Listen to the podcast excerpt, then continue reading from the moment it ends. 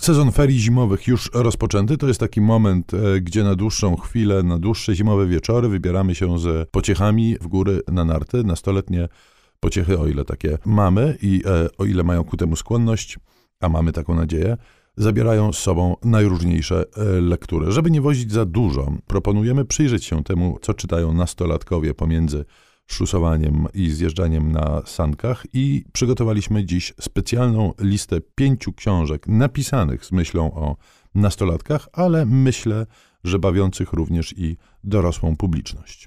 I listę to otwiera Filip Pullman. U nas mam wrażenie, no, wydawany i znany, ale nie aż tak, jak powinien pisarz e, brytyjski. Sławę pewnie przyniósł mu również film pod tytułem Złoty Kompas, będący ekranizacją pierwszej części e, jego trylogii Mroczne Materie. Już sam tytuł trylogii powinien wzbudzić naszą ciekawość, bo on się wywodzi bezpośrednio z pewnego cytatu z Raju Utraconego Miltona. Chodzi o te mroczne materie, z których Bóg stwarzać może światy. Złoty Kompas otwiera znakomitą trylogię, która dzieje się w paralelnym do naszego i w naszym świecie. W tej pierwszej przebywamy w takiej właśnie trochę innej wersji naszej rzeczywistości. Bohaterką jest młoda dziewczyna imieniem Lira Belakła, która wplątuje się w dość niesłychaną historię związaną, mówiąc ogólnie, z porywaniem dzieci. Te dzieci są wywożone gdzieś na daleką północ i przeprowadza się na nich dość straszliwe eksperymenty. Mocą książek Pullmana dla mnie jest po pierwsze to, że one są świetnie napisane. To jest po prostu bardzo dobry pisarz, kropka.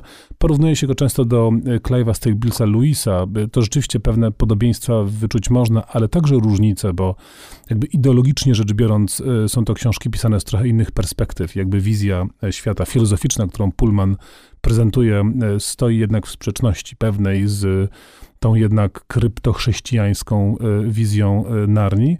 Natomiast to, co e, jest kolejnym wielkim atutem Pullmana, to też bogactwo świata, bogactwo pomysłów, mnóstwo różnych postaci, też jakby rozwinięcie alternatywnej wizji rzeczywistości, pomysł na przykład daimonów, które towarzyszą wszystkim ludzkim bohaterom. Tam się strasznie dużo dzieje na wielu płaszczyznach i myślę, że to jest to książka, która naprawdę może połączyć dziesięciolatków, piętnastolatków i 49 również bez najmniejszego problemu. Podobnie z kolejną pozycją na naszej liście, e, która jest może bardziej tradycyjna, mniej eksperymentalna od e, prozy Pullmana, natomiast niewyobrażalnie wprost popularna. E, Brandon Mull zbliża się swoją popularnością do J.K. Rowling za sprawą swojego cyklu Baśniobór. Ta historia zaczyna się dość prosto, mianowicie rodzeństwo trafia do dziadków, gdyż rodzice wybierają się na wakacje i nie ma babci, okazuje się, jest tylko e, dziadek. Babcię należy odnaleźć, ustalić, co się z nią stało. Dziadek, który rozpoczyna swoją przygodę z wnuczkami od e, serii różnych zakazów i ograniczeń. Nie mogą wchodzić do lasu, gdyż las jest pełen kleszczy, skąd my to znamy. Młodszy Seth e, te zakazy nawet nie naumyślnie, tylko po prostu siłą swojego temperamentu po kolei e, łamie i w chwilę później dzieci odkrywają, że ich dziadek nie jest zwyczajnym dziadkiem, a strażnikiem specjalnej krainy. Kraina ta mm, właśnie Baśnioborem się nazywa jest takim rezerwatem stworów fantastycznych, najróżniejszych, które niestety mają możliwość przenikania do naszego świata i jak się okazuje vice versa. Mul przy tym wszystkim jest bardzo Hmm, mm, pedagogiczny e, momentami. To znaczy, e, tu zło jest zawsze ukorane, zawsze nieposłuszeństwo wiąże się z jakimiś e, konsekwencjami. Wszystko kończy się dobrze, a nawet okazuje się, że picie mleka ma bardzo pozytywne efekty, gdyż to za sprawą właśnie mleka pochodzącego od zaczarowanej krowy dzieci mogą zobaczyć i poznać stwory kryjące się w baśnioborze. Ja to dobrze, zawsze lubiłem mleko. Ja nie cierpię do dziś. Do książek y, dziecięcych, ale tylko pozornie, wrócimy za chwileczkę.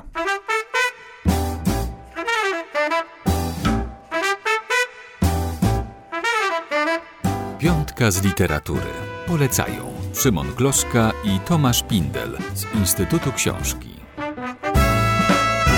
Wracam do książek, które napisane zostały z myślą o nastolatkach, a do czytania których namawiamy również dorosłą część publiczności. No i teraz kolejny wielki hit, doskonale znany, bo y, Igrzyska Śmierci, napisane przez Susan Collins, ale też zekranizowane z dużym sukcesem, to bez wątpienia bardzo rozpoznawalna pozycja, ale ja myślę, że naprawdę warto sięgnąć do tych książek, nawet jeśli znamy film, z przyczyn przynajmniej dwóch. No, po pierwsze, jest to bardzo dobrze napisane i pani Collins stosuje taką najklasyczniejszą technikę utrzymywania i suspensu, budowania y, emocji czytelniczych. Po prostu każdy rozdział kończy się w taki sposób, że absolutnie trzeba zacząć czytać następny i w ten sposób książka śmiga niesłychanie szybko. A po drugie jednak jest to o tyle ciekawe, że wizja świata tam przedstawiona, adresowana w końcu do właśnie nastolatków jest wizją no, okrutną, niepozbawioną takiego pazura właśnie obserwacyjno-współczesnego, bo to się niby dzieje w przyszłości, niby obserwujemy jakiś taki no może nie postapokaliptyczny, ale jednak y, bardzo dystopijny świat Ameryki, która przeszła przez no, jakieś bardzo ponure e, przekształcenia i widzimy ten coroczny obyczaj igrzysk pokazywanych e, i oglądanych przez e, miliony ludzi, na których nastolatki wzajemnie się muszą zabijać.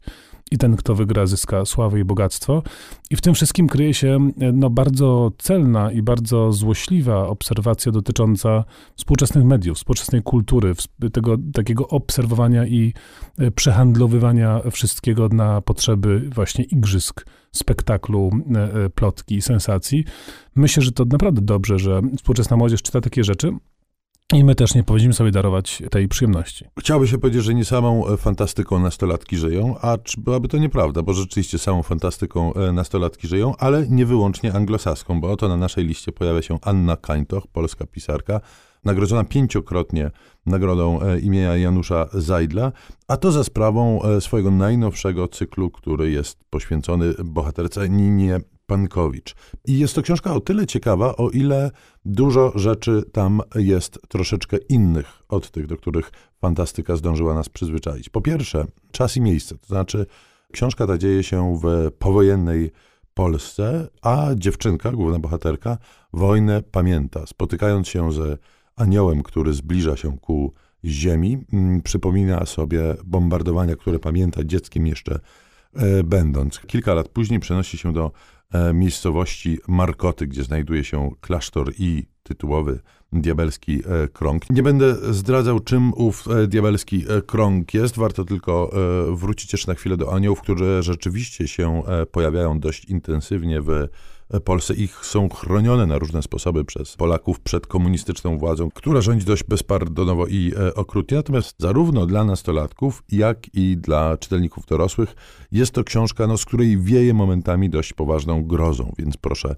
mm, się przygotować na e, mocne wrażenia. Tak, grozą to wieje dopiero z powieści Meto. To jest trylogia autorstwa Iwa Greweta, francuskiego pisarza. Na razie mamy po polsku dwa pierwsze tomy na trzeci czekamy niecierpliwie, bo one też kończą się wszystkie tak, że trzeba czytać kolejny możliwie szybko.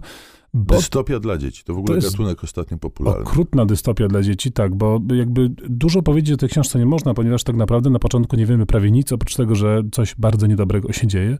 Głównym bohaterem tej historii jest właśnie tytułowy Meto, jeden z chłopców mieszkających w zamkniętym domu, gdzie y, jego mieszkańcy, włącznie chłopcy, poddani są jakiemuś takiemu zdumiewającemu y, rygorowi. Dzieje się tam dużo dziwnych, niezrozumiałych, ale ewidentnie nie w porządku e, rzeczy, jakieś eksperymenty, jakieś zastrzyki, rygory i przepisy, które trudno zrozumieć, ale które stanowią jaką, jak, jakieś takie narzędzie represji, no i powoli zaczyna się w tym domu tworzyć coś w rodzaju konspiracji co tak naprawdę kryje się e, e, za tym światem, kto tym rządzi, co to w ogóle jest, gdzie my jesteśmy, gdzie są dziewczynki i kobiety, co to wszystko ma oznaczać, no to będziemy sobie wyczytywali w dalszych częściach tego cyklu.